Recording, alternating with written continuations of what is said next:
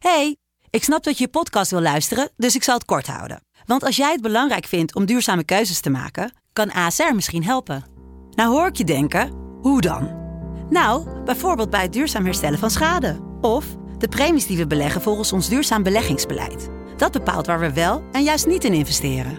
Wil je meer weten over welke duurzame keuzes ASR maakt? Ga dan naar asr.nl slash duurzame keuzes. ASR doet het. Zo, dan kan je nu lekker naar je podcast luisteren.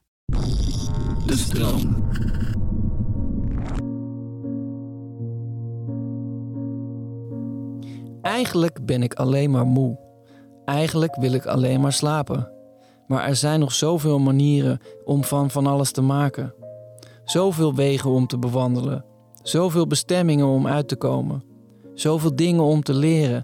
Zoveel woorden om uit te spreken. Zoveel dingen om af te leren en gewoontes om mee te breken. Zoveel geheimen om te ontrafelen in een eindeloos sterrenstelsel. Zoveel zielen om te ontmoeten. Zoveel harten om te verwarmen. Zoveel zeeën om te bevaren.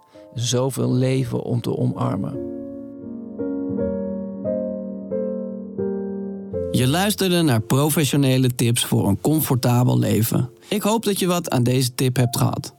Dat je de boel even de boel hebt kunnen laten. Heb jij zin in nog meer fijne podcast?